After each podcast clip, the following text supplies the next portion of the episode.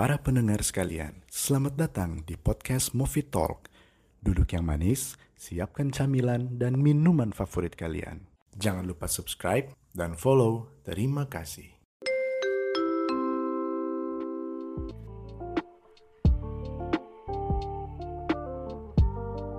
Gimana gimana? Bagus gak voice over gue di opening barusan? Bagus sih. Kayaknya itu bakal dipakai di episode selanjutnya ya. Iya sih mau gue pakai tapi eh, ya, ntar lihat aja deh nanti. nah, setahu gue, lu itu barista yang multi talent. Bisa main rollerblade, Iya. tahu Iya. eh, hal-hal sepeda, main sepeda juga. Iya, gue sepedaan juga. Nah, sekarang pengusaha kopi juga. Iya. Bener sih, tapi gini ya bisa dibilang kan itu kayak multi talent ya. Tapi gue tuh multi talent bukan karena tren, tapi gue tuh suka mencoba hal-hal yang baru. Tapi hal baru itu gue tekuni, bukan cuman sekedar coba doang. Oh udah gue tahu nih, ya udah gitu. Ya, please welcome Wayne. Ya, halo, perkenalin gue Wayne. Gue seorang barista dan juga eh, seorang pengusaha di bisnis kopi. Ya, jadi sesuai eh, sama judulnya, berarti kita harus mengundang orang yang di bidang kopi juga. Iya. Dan main sepeda juga. Mm, Lu sepedaan juga kan, nggak? gue baru sepedaan Lu baru serius sepedaan. tuh yang serius baru sekarang Ah, nah kan tadi lu bilang lu juga sekarang di bisnis kopi nih mm-mm.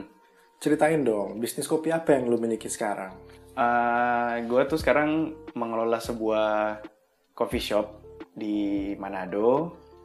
Eh, dan ini merupakan coffee shop yang ketiga. Ketiganya gue. nah itu setahu gue tuh udah udah berapa Ah, ah. kali kan usaha di bidang ini Iya, gue udah tiga kali, mulai dari tahun 2016. Dan ini merupakan coffee shop yang ketiga. mau disebutin nggak nama coffee shopnya apa nggak usah Eh, nggak usah yang sekarang aja. Yang sekarang aja ya? Yang sekarang aja sekaligus gue promosi dikit ya. boleh boleh Ah, silakan Jadi gue tuh sekarang punya coffee shop yang nama coffee shopnya itu eh, Originate Coffee and Bar. Originate Iya, Originate. instagramnya Instagram eh, buat teman-teman bisa follow di originate.cnb. nah kita sekarang nih mau bicarain soal sepeda lipat sama kopi botolan nih Mm-mm. lu di sini udah berjualan kopi botolan nggak Kalau kopi botolan untuk coffee shop yang sekarang belum ada sih, belum ada karena gue masih mempertimbangkan dari nanti kalau gue jual kualitasnya gimana, gimana, gimana, Oh, gue masih iya. Pertimbangkan lah Iya, soalnya. coffee shop lu masih baru kan ya Iya, gue belum belum setahun gue buka. Belum yang setahun. yang sekarang ini belum setahun. Semangat bro, Iya, semangat. pasti bisa, Berjuang terus. pasti bisa kayak movie. Amin. Amin. Semuanya pasti merasakan itu. Iya, Hanya perlu bersabar saja. iya. Ya, buat para pendengar juga yang eh, udah tahu nih kita bakalan bacain komentar-komentar kalian. Nanti gue bacainnya di di sesi terakhir ya. Iya. Oke, oke, oke. Ya, jadi kalau teman-teman tahu, Wayne ini adalah seorang rollerblader, pemain sepatu roda di zaman zaman kuliah apa zaman SMA ya? Itu udah zaman kuliah sih. Zaman kuliah. Iya, kuliah. Nah, terus tiba-tiba dia usaha kopi sekarang. Mm. ya kan? Agak jomplang ya. Iya tempat kopinya juga bagus loh, Eh, estetik banget tempatnya. Mm-mm.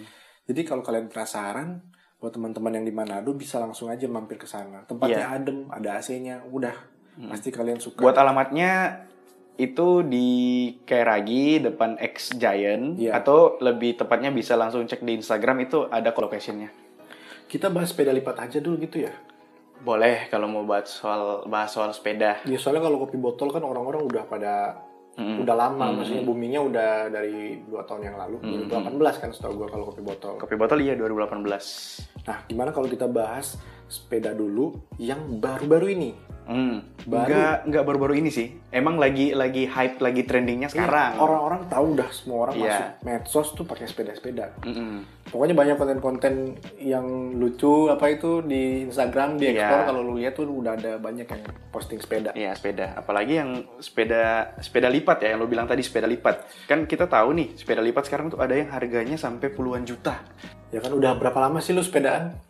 Kalau gue sepedaan itu udah mulai dari tahun 2011 udah mulai sepedaan. 2011. Gue 2011 gue main skateboard bro. Masih skateboard ya? Gue juga pernah tuh skateboard tuh waktu zaman SMA 2008 2009 lah. Iya iya. Tapi gue sepatu roda nggak pernah kayak lu. Ya, belum nggak tahu tergantung niat Iya. lu aja sih. Kalau lu mau ke extreme sport bisa gitu. Nah kalau dari sepeda lipat ya, gue udah beli sepeda lipat itu dari tahun 2012.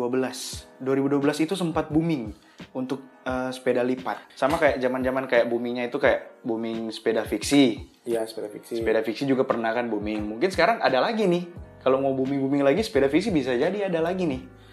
mungkin udah mulai lesu orang-orang Kalau dari segi peruntukan, sepeda lipat, sepeda lipat sebenarnya diperuntukkan untuk lu sepedaan dalam kota, mungkin cuma di dalam kompleks, dari rumah ke kampus bisa. Nah, kalau kita cerita soal sepeda yang lain kayak sepeda fiksi, sepeda fiksi itu eh, kalau di Amerika ya itu sepeda messenger atau sepeda pengantar eh, barang, pesan gitu, Iya, iya. surat gitu. Nah, MTB, mountain bike, peruntukannya memang untuk eh, main di hutan gitu. Kalau sepeda road dia untuk sepeda balap bisa pakai di eh, jalanan aspal, bisa juga digunakan untuk jarak jauh. iya iya nah ini ini kan sepeda lipat nih udah ada Mm-mm. yang viral tuh kemarin Mm, sempat Karena- viral tuh iya. sepeda lipat.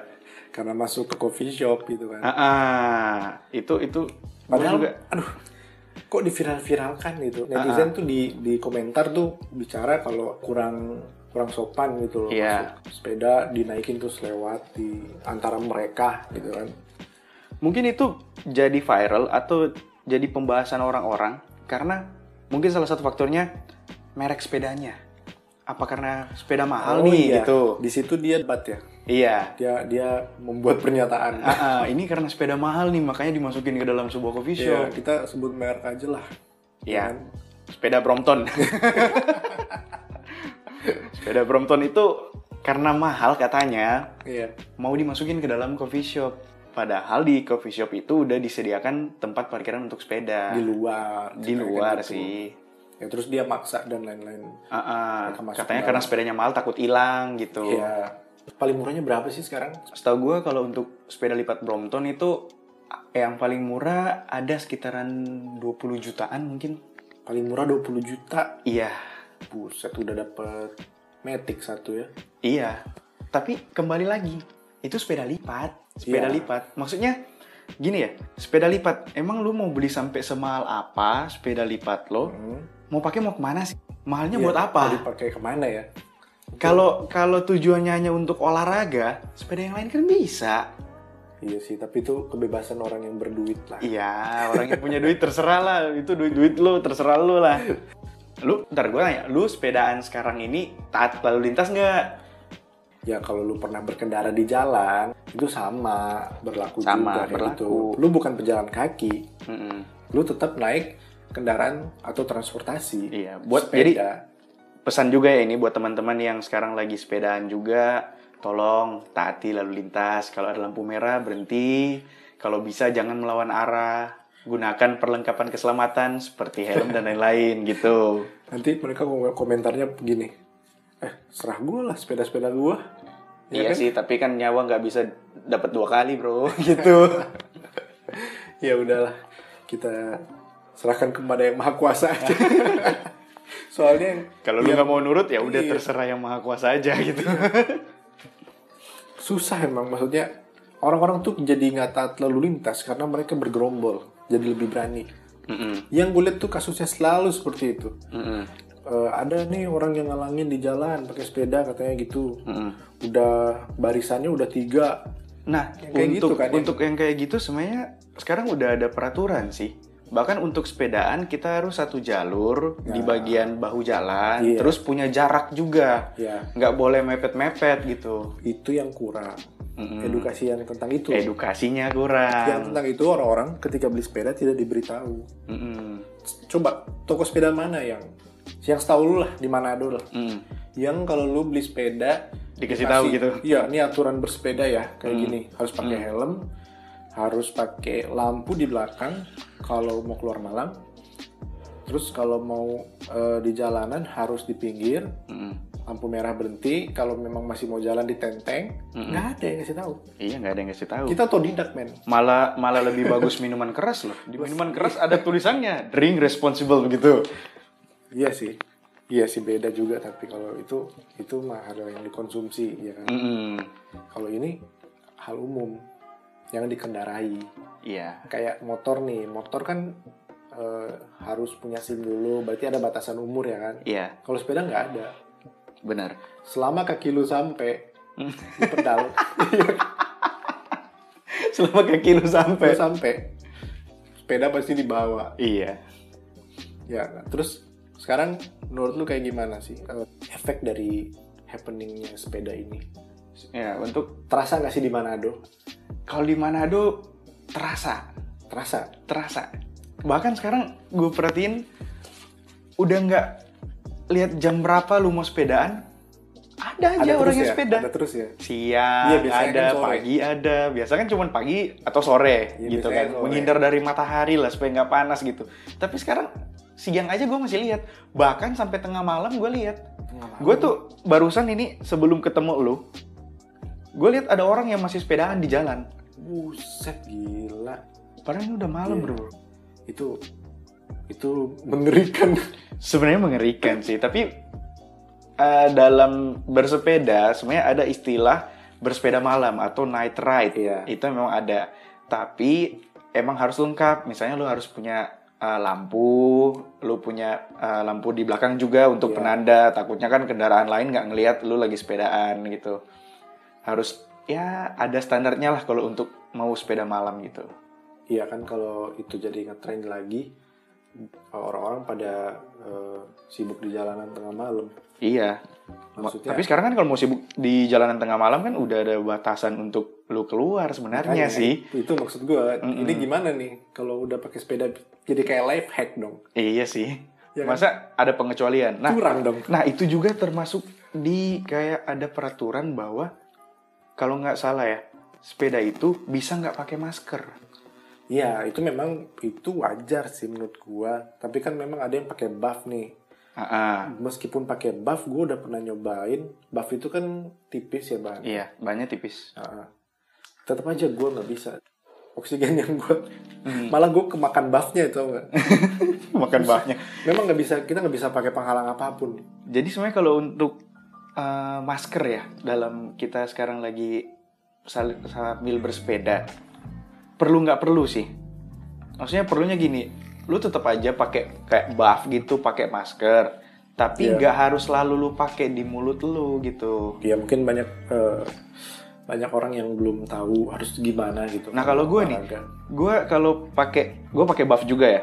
Iya. kalau sepedaan selalu gue pakai dan itu mungkin gue akan tutup hidung sama mulut gue kalau misalnya jalannya macet Oh, berdebu jadi, ya. gitu atau kita melewati red zone kayak rumah sakit gitu kan berjaga-jaga kita tutup tapi kalau sambil sepeda sepedaan biasanya sih gue nggak pakai sih Iya.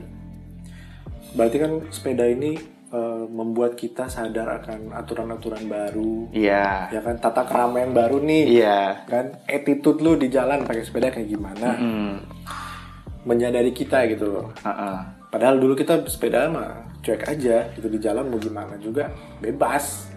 Bener. Nah, kalau kembali ke topik ya, sepeda lipat nih, yang sepeda lipat. Eh, menurut lu itu bagus atau enggak sih? Menurut lu ya, gue nanya dulu nih, Iya. sepeda lipat. Iya, jadi menurut gua sepeda lipat itu kan berarti dia pakai engsel ya.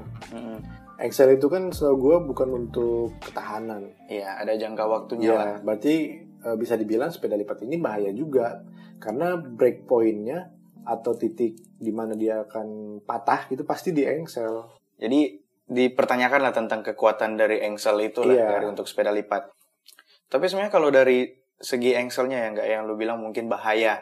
Iya. Nah, itu sih saya bisa awet kalau misalnya kita maintenance secara teratur, Nah, maintenance itu kayak gimana sih, Bro? ya mungkin pada saat lu habis bawa jalan gitu pulang kotor mau dicuci nah itu harus dikeringin baik-baik apalagi untuk di bagian engselnya itu supaya nggak karatan dikasih pelumas juga dan lain-lain gitu Sepeda lipat itu berapa banyak ya dari segi merek gitu ya? dari segi merek sih sekarang udah banyak merek-merek yang terkenal juga udah produksi sepeda lipat contohnya kayak ah, United Ah, United. Pacific Wim Cycle dan yang sampai ke sepeda lipat paling mahal yang kayak Brompton gitu.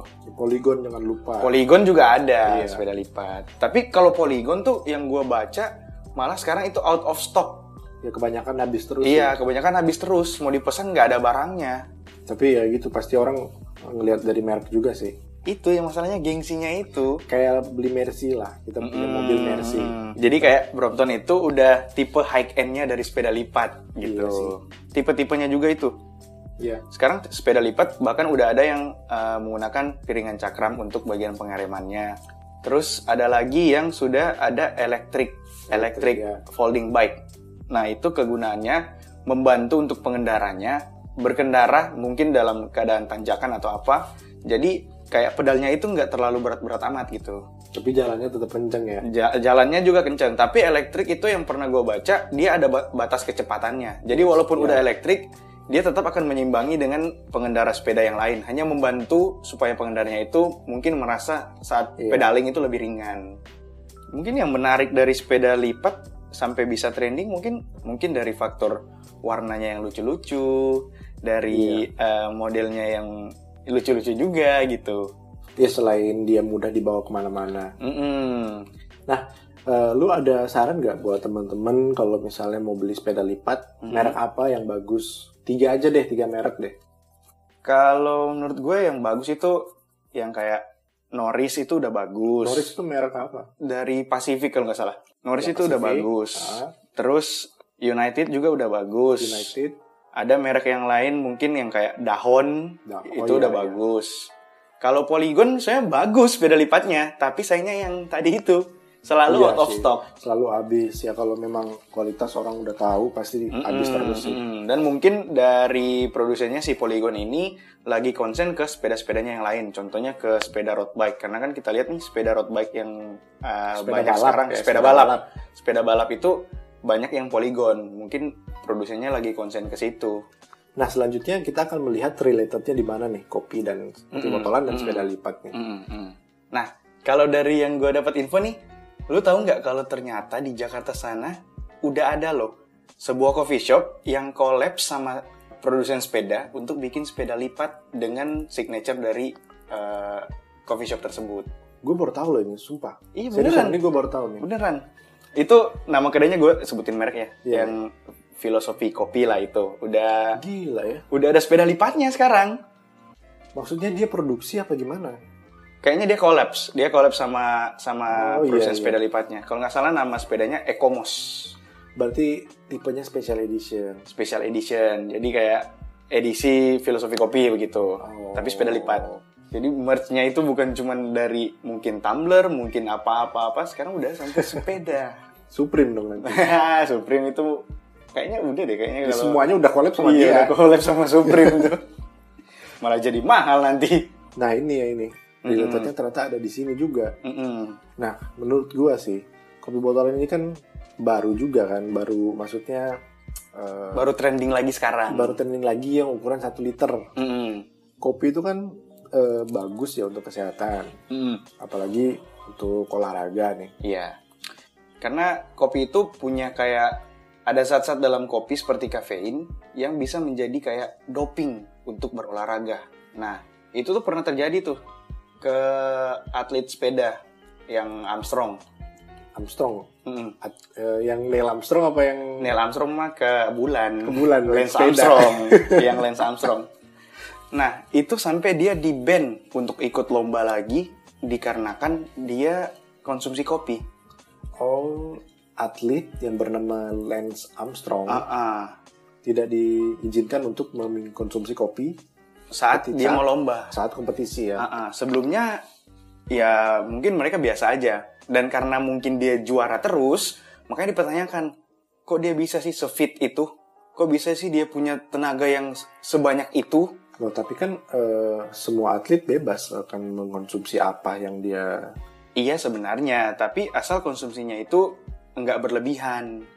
Jadi dia tuh konsumsi kopi, malah jadinya itu kayak doping buat dia.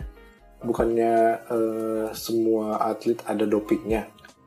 Eh, ada, sebenarnya ada, tapi yang secara natural, secara alami begitu, tidak doping melalui obat-obatan ataupun eh, yang lain-lain. ada saat-saat Oh, yang memang eh, eh, karena kopi ini ya alami mm-mm. dan ternyata dia dampaknya lebih dari Ah. vitamin Pertama apa pun, dianggap kayak ya. begitu kayak ya udah cuma minum kopi doang gitu, Ya, nggak masalah gitu. tapi hasilnya ternyata melampaui yang Iya, diperkirakan. itu pernah di riset loh, pernah di riset bahwa mereka tes orang yang per- yang minum kopi Iya. sama nggak minum kopi, terus di riset sambil sepedaan. Ternyata orang yang minum kopi itu jarak dan energinya itu kecepatannya itu lebih besar daripada orang tidak mengkonsumsi kopi. di dunia kopi orang-orang kan tidak mengetahui mungkin sampai ke ranah olahraganya gitu. Mm-mm. Setahu orang ya olahraga eh, orang lebih memilih selain kopi. Mm-mm. Ternyata kopi ini bermanfaat sekali untuk orang yang mau olahraga. Iya. Jadi ya mungkin tips juga ya buat teman-teman yang mungkin mau sepedaan dan mungkin ingin tambah tenaga bisa minum kopi, tapi dengan dosis yang tidak berlebihan. Gini nih nggak? Kalau sekarang kemasan satu liter ya, kita bahas kemasan satu liternya itu. Kemasan satu liter itu sebenarnya baik dikonsumsi dalam jangka waktu berapa lama sih? Karena gue sekarang jualan kopi botolan juga, ya kita ngikutin basinya susu aja sih Hmm. sebenarnya. Karena kita nggak pakai pengawet di luar produk yang dicampur. Setahu gue susu yang kita pakai itu nggak ada pengawetnya. Hmm. Fresh milk ya, Iya. fresh milk. Nah kalau susu, susu itu memang harus masuk di kulkas terus. Hmm. Sekali Jadi, dibuka ya. harus masuk kulkas. Iya betul. Jadi kalau kita minumnya udah udah kita buka, itu harus habis seharian. harus langsung habis. Iya, kalau misalnya kita minum dikit doang, terus kita simpan lagi itu harus langsung segera disimpan di kulkas. Hmm, gitu ya. Bahkan simpan di kulkas pun dia cuma bertahan tiga hari. tiga hari. Ya. Itu maksimal atau minimal tiga hari? Sebenarnya maksimal untuk yang kuat sih lambungnya, Hmm. karena ini kan toleransi susu sebenarnya kan. Hmm, Susunya akan basi, akan membasi setiap harinya. Kalau dari kopinya ya, enggak? Kalau kopi malah dia jauh lebih enak jadinya. Ya orang yang memang kuat lambungnya, pencernaan dia, Hmm. makin lama disimpan memang makin bagus. Hmm. Tapi ada maksimalnya. Nah, ya secara pengalaman kita di sini maksimalnya itu satu bulan. Jadi kalau untuk literan itu maksimal sampai tiga hari. Tiga hari kalau Tiga udah hari. kita konsumsi. Hmm. Kalau kita belinya belum dibuka, itu Hmm. bisa kita simpan sampai sebulan. Sebulan. Ya malah sebulan itu jadi lebih unik banget sih rasanya. Nah, tapi gini nih enggak? Itu kan batas tiga hari maksimal. Itu kan dari pandangan lu yang bikin kopi botolan dari coffee shop. Yang Ya. lu tahu sendiri lah Ya. dari segi pembuatannya itu buat teman-teman yang mau lihat eh, pembuatannya itu bisa langsung datang ke movie juga kalau untuk mau lihat. Nah, kalau misalnya dia dari industri rumahan, Industri rumahan. ya. Nah, yang dari industri rumahan tuh yang bikin kopi botolan, kita nggak tahu nih proses pembuatannya gimana. Ada nggak di di mereka tuh kayak quality controlnya? Gue yakin sih ada karena mungkin mereka sudah melihat dan meniru apa Mhm. yang dikerjakan gitu Mhm. oleh barista coffee shop coffee shop favoritnya ya. Iya, yang sering dia datangi Ya, gitu. dan mungkin udah dilihat di YouTube kayak gimana Hmm. dan dia konsumsi sendiri juga. Jadi mungkin eh, quality controlnya sebatas bagaimana dirinya merasa itu bersih. Hmm. Mungkin yang paling paling rendah itu. Sisanya 50%-nya lagi mungkin udah udah masuk ke ranah coffee shop, udah Hmm. mengikuti prosedur eh, standar untuk sebuah minuman kemasan. Jadi jadi kalau dari bahan bakunya harus ada kualitas juga ya, Harusnya ada. harus ada. Iya, gitu. karena eh, kita juga pakai produk yang ada di pasaran kan. Hmm. Kalau dia menggunakan produk yang terlalu murah, Hmm. pasti rasanya tidak akan bisa mengejar apa yang ada di coffee shop. Seperti itu sih. Ya mudah-mudahan yang industri rumahan juga bukan sekedar aji mumpung. Iya, ini Maksudnya kan aji mumpung Ah, lagi tren kopi botolan nih, kopi literan nih, gue juga mau bikin ah, lihat tutorial di YouTube, bla bla bla bla bla, bikin. Tapi setidaknya mereka tuh harus eh, perhatikan sampai jangka panjang. Maksudnya jangka Iya. panjang kalau sudah sampai di tangan customer itu akan bagaimana gitu. Nah kalau kembali lagi ke susu nggak? Kalau dari kopi botolan kan kita nggak tahu nih, maksudnya susunya itu dia pakai fresh milk ataupun UHT ngaruh nggak ke daya tahan maksudnya jangka waktu dia penyimpanan juga oh iya, kalau itu udah pasti yang cepat basi fresh milk. fresh milk lebih cepat Ya, basi. karena memang judulnya juga fresh milk. Ini Fresh milk. susunya susu fresh murni, Mm. belum ada eh, proses pemanasan di situ. Mm-mm. Kalau UHT kan udah jelas tuh. Kita sering banget lah lihat di kemasan susu ada tulisan UHT. Mm-mm. UHT itu kan artinya ultra high temperatur. Mm-mm. Jadi dia udah dipanaskan dengan suhu tinggi. Mm. Ya otomatis bakteri dan lain-lain lebih sedikit di situ Mm. dan mengakibatkan dia lebih awet. Oh. Sedangkan fresh milk yang memang masih murni Mm-mm. itu akan lebih cepat basi. Mm. Tapi soal rasa, soal rasa nih, Mm. fresh milk jauh lebih enak daripada full cream. Daripada UHT, Iya. yang UHT tadi ya. Kenapa gue bilang enak? Ini dari sisi yang menggemari kopi. Mm. Ya kalau fresh milk dia akan meng-highlights atau dia akan menampilkan rasa kopi lebih baik Mm. daripada full cream. Mm. Sedangkan full cream dia akan menyamarkan rasa kopinya. Nah kalau untuk botol plastik eh, dari Movi sekarang gimana nih kalau botol plastiknya nih? Memang ada plastik-plastik yang harus kita hindari. Mm-mm. Ada plastik yang udah kita bisa gunakan Hmm. oleh skala industri kayak gitu ada. Tapi memang harganya memang kita udah tahu pada mahal semua tuh. Mahal ya. Ya kan ada sedotan dari kertas tuh, dari bambu apalah segala Hmm. macam. Itu memang sangat mendukung, tapi kita sampingkanlah itu. Kita fokus deh ke rasanya. Mm. Gue lebih lebih fokus ke soal rasa kopinya. Mm. Penyimpanannya itu itu gimana kita nanti lah. Kalau misalnya rasanya udah oke, bebas mau disimpan di mana aja. Kalau dari gue pribadi nih nggak, gue sebenarnya merasa punya keresahan gitu. Maksudnya keresahannya bukan dari siapa yang jualannya, tapi dari proses pembuatannya. Gue sama lu kan lu tahu sendiri lah. Kalau kita tuh bikin bikin suatu resep, kita bikin suatu minuman yang base-nya kopi, Iya. kita tuh pasti akan ngulik dulu, kita akan cari tahu dulu, kita akan pikirkan tentang uh, kopi apa yang pas karena kan kopi ini banyak nih variannya banyak nih. Iya. Kita akan pikirkan apa yang pas dari susunya mungkin atau dari kadar gula dan lain-lain itu kita, kita pikirkan sampai detail-detail. Nah di industri rumahan kan ya gue nggak tahu kalau misalnya uh, prosesnya kayak gimana gitu. Gue hanya merasa resah aja gitu. Maksudnya resah kok bisa sih sesimpel itu langsung jualan kopi botolan.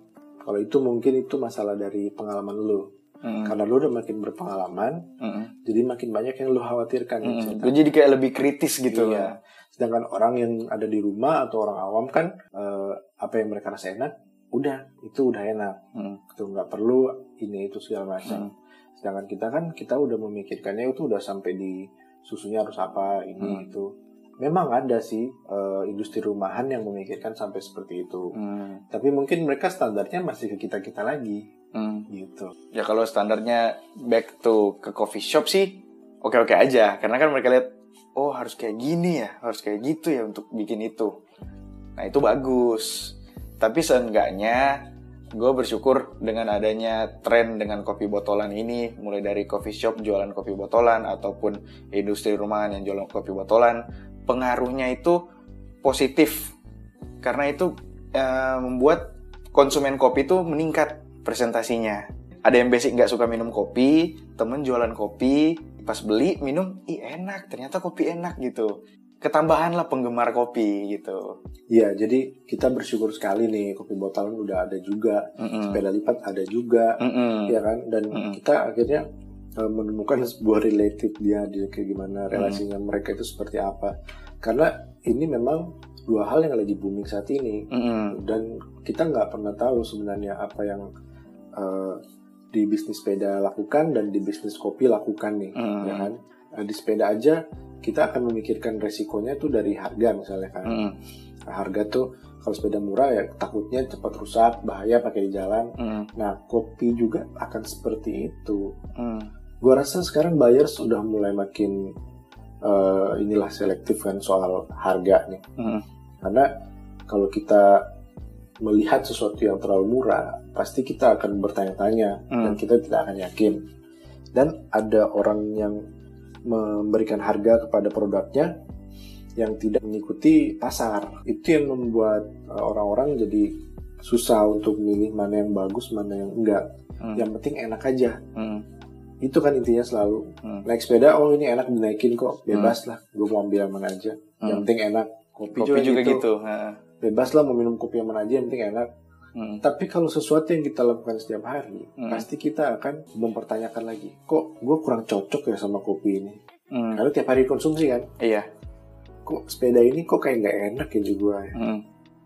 Akhirnya kita menciptakan konsumen yang mulai ingin tahu. Mm. Iya benar benar benar benar. Dari situlah muncul eh, orang-orang yang mengemari kopi botolan, Mm. dan dari situlah orang yang eh, gemar sekali mengkoleksi sepeda lipat. Mm. Jadi kayak jadi Iya. kayak batu loncatan gitu untuk Betul. ke ke fase berikutnya. Ini adalah sebuah proses aja sih. Mm. Jadi mungkin kita sedang memperhatikan prosesnya nih. Kopi Hmm. botolan lagi berkembang, Mm. terus sepeda lipat makin berkembang. Mm. Bukan cuma sepeda lipat lah, Hmm. dunia persepedaan. Kan. persepedaan ya. Dunia kopi berkembang gara-gara kopi botolan Mm. dan kopi susu gula aren. Nah itu sempat ngetop juga tuh. Iya, orang melihatnya dari kategori sih sekarang. Ha. Pengen dipandang seperti apa, Mm. itu yang mereka beli Mm. gitu. Ini kan secara fakta ya. Mm. Ya kita pun yang berbicara seperti ini menyadari bahwa kita juga mau kalau dikasih. Mm-mm. Eh, sepeda lipat sama kopi botolan tuh menurut gue sekarang itu kayak jadi barometer gaul Iya kan? barometer gaul Berarti Bener.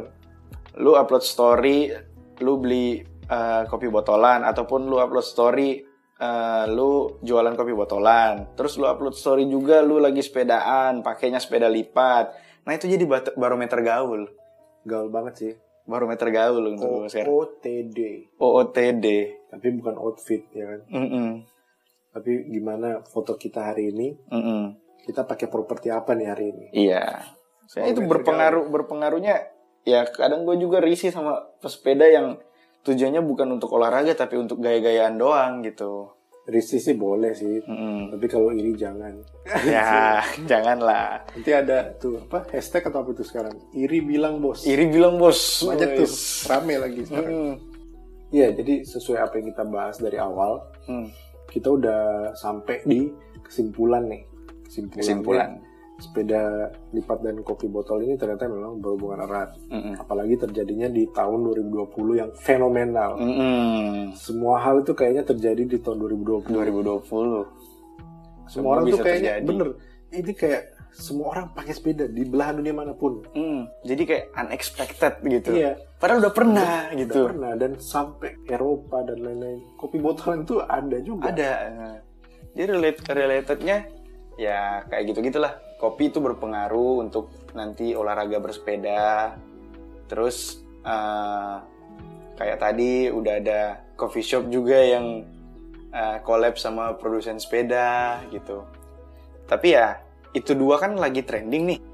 Menurut gua sih mudah-mudahan nggak cuma trending tapi long last gitu bertahan lama. Jadi industri industri kopi botolan juga nggak cuma saat ini aja ada, tapi sampai ke depannya tetap masih ada. Iya dong, itu udah pastilah kita pasti akan mendoakan bahwa bisnis dan olahraga sepeda ini Mm-mm. tidak cuma sampai di tahun 2020. Iya, mudah-mudahan bisa panjang umurnya. Iya, dan Amin. semoga gitu. inilah corona ini cepat minggat ya kan. Mm-mm. Nanti gue kasih sepeda deh corona kalau lu minggat dari sini. Wah, Anda kayak Bapak Jokowi dikasih sepeda. Tapi gue selalu punya pedoman yang kayak semua masa ada zamannya, semua zaman ada masanya. Iya, itu dia teman-teman dari Wayne. Teman saya, teman gua yang udah dari lama, udah lama juga eh, di usaha kopi ya. Dia udah sedikit memberikan informasi tentang kopi dan sepeda lipat. Mm-mm. Ya meskipun nggak banyak, kita udah berusaha mem- memberikan Iya. informasi yang eh, seakurat mungkin. Mm-mm. Yang kita bahas hanya tentang trending yang lagi hype banget saat ini. Iya. Ya, di sini di sesi terakhir kita akan mulai membacakan komentar dan pertanyaan dari teman-teman di Instagram. Hmm, Karena kan kemarin udah diposting tuh. di Instagramnya Movi ya. Iya. Ya, kita masuk ke sesi tanya dan komentar. Pertanyaan yang pertama dari Ed Joshua Rompas. Pertanyaannya, sering merhatiin kenapa nih minuman ice-nya Movi selalu nggak full di cup? Kayaknya ini bagus dijawab sama baristanya langsung deh. Kebetulan nih, para hadirin yang ada di sini nih, salah satunya barista Movi. Boleh dijawab? Oke, eh, kita Eko Setiawan. Kita salah satu barista yang ada di movie yang sudah cukup lama. Menjawab pertanyaannya Ed Yosua Rompas atau bisa dipanggil Cua, ownernya kedai pulang. Kenapa sering lihat uh, isi cupnya kita itu nggak selalu full? Awalnya sih sebenarnya itu hanya kesalahan komunikasi sama yang pencetak cupnya. Uh, lalu kemudian kita uh, jadikan itu sebagai space buat nge-shake minuman itu. Iya, waktu itu kita salah ini sih sebenarnya. Lagi coba-coba pakai cup yang itu, eh ternyata nggak penuh. Emang sebenarnya gitu sih. Awalnya eh, kita kira itu akan penuh, ya akhirnya terjawab nggak bisa penuh. Ya jadi kayaknya bagus kan kalau ada space-nya tuh. Jadi kita biarin aja deh kayak gitu sampai sekarang. Dan ketersediaan sikapnya itu selalu ada sih. Makanya yeah. kita pakai terus. Bisa aja sih kita ganti sama yang ngepas tapi ya gitu deh. Kita udah terbiasa dengan cup itu dan nggak tumpah-tumpah juga pas di apa sih namanya dibungkus ya kan di seal. Jadi oke okay sih. Ya kita udah menjawab pertanyaan pertama dari Yosua Rompas. Mudah-mudahan puas gitu terjawab. Selanjutnya ke pertanyaan yang kedua. Ada Ed Anharas. Movi bisa banget buat tempat apa aja kecuali kecuali apa nih kok? Oke, buat uh, Ed Anharas atau bisa disebut Mas Azam nih ya. ya. Jadi ini kebanyakan yang udah nongkrong di sini ya, yang udah kita kenal juga yang komentar. Iya iya. Kebetulan dia uh, customer uh, movie yang sudah lama juga. Se di movie itu sebenarnya yang paling enggak itu dugem sama uh, dance dance yang ya nggak jelas tapi kalau dance-nya sambil berpakaian seksi, emang lu nggak mau lihat kok? Enggak sih bang, soalnya tempatnya emang beda, nggak sesuai tema lah konsep apa. iya sih, memang bener sih. Terus kita kayaknya nggak banget sih kalau ada politik juga kalau kampanye yang janganlah, jangan di sini gitu. Nah yeah. kita lanjut ke pertanyaan terakhir dari Ed The Lintang. Apa kopi candunya sudah kembali ke kopi aslinya? Jadi maksudnya ini bahan baku dari kopi candu ada yang kita ganti kan? Dia iya, tahu. iya. dia bertanya nih udah balik belum kok? Uh, kalau dari kita sendiri belum sih untuk saat ini. Soalnya untuk robustanya kita belum dapat. Kita belum dapat dari uh, salah satu roasting yang ada di Manado. Jadi kita belum bisa. Tapi uh, semoga ke depannya bisa cepat ada sih. Iya jadi bahan bakunya itu memang nggak bisa ganti meskipun kopinya sama ya robusta. Yeah. Tapi seenggaknya kita udah mencari yang mendekati lah rasanya. Ya, gue juga mau berterima kasih buat Eko dan teman-teman udah menyampaikan pertanyaan. Oke, okay, nanti kita ketemu di Terima episode. kasih banyak loh ini udah datang. Makasih udah ngundang. Gue cuma bisa bayar pakai gorengan loh ini. Gak apa-apa, pas gue lapar juga nih. Wah itu gorengan tuh sambil cari gorengan kita naik sepeda aja gitu ya. Yo i. Jangan ya, lupa lah. ngopi. Ya kita cabut dulu ngopi dulu tapi. Kok okay. Eh tadi kan lu openingnya pakai voice over. Yeah. Coba dong lu oh, sekarang iya, iya. closingnya pakai voice over oh, juga. Iya. Bisa bisa. Gue coba ya. Para pendengar sekalian, terima kasih telah mendengarkan podcast ini. Bantu support podcast ini dengan klik tombol follow and subscribe. Thank you.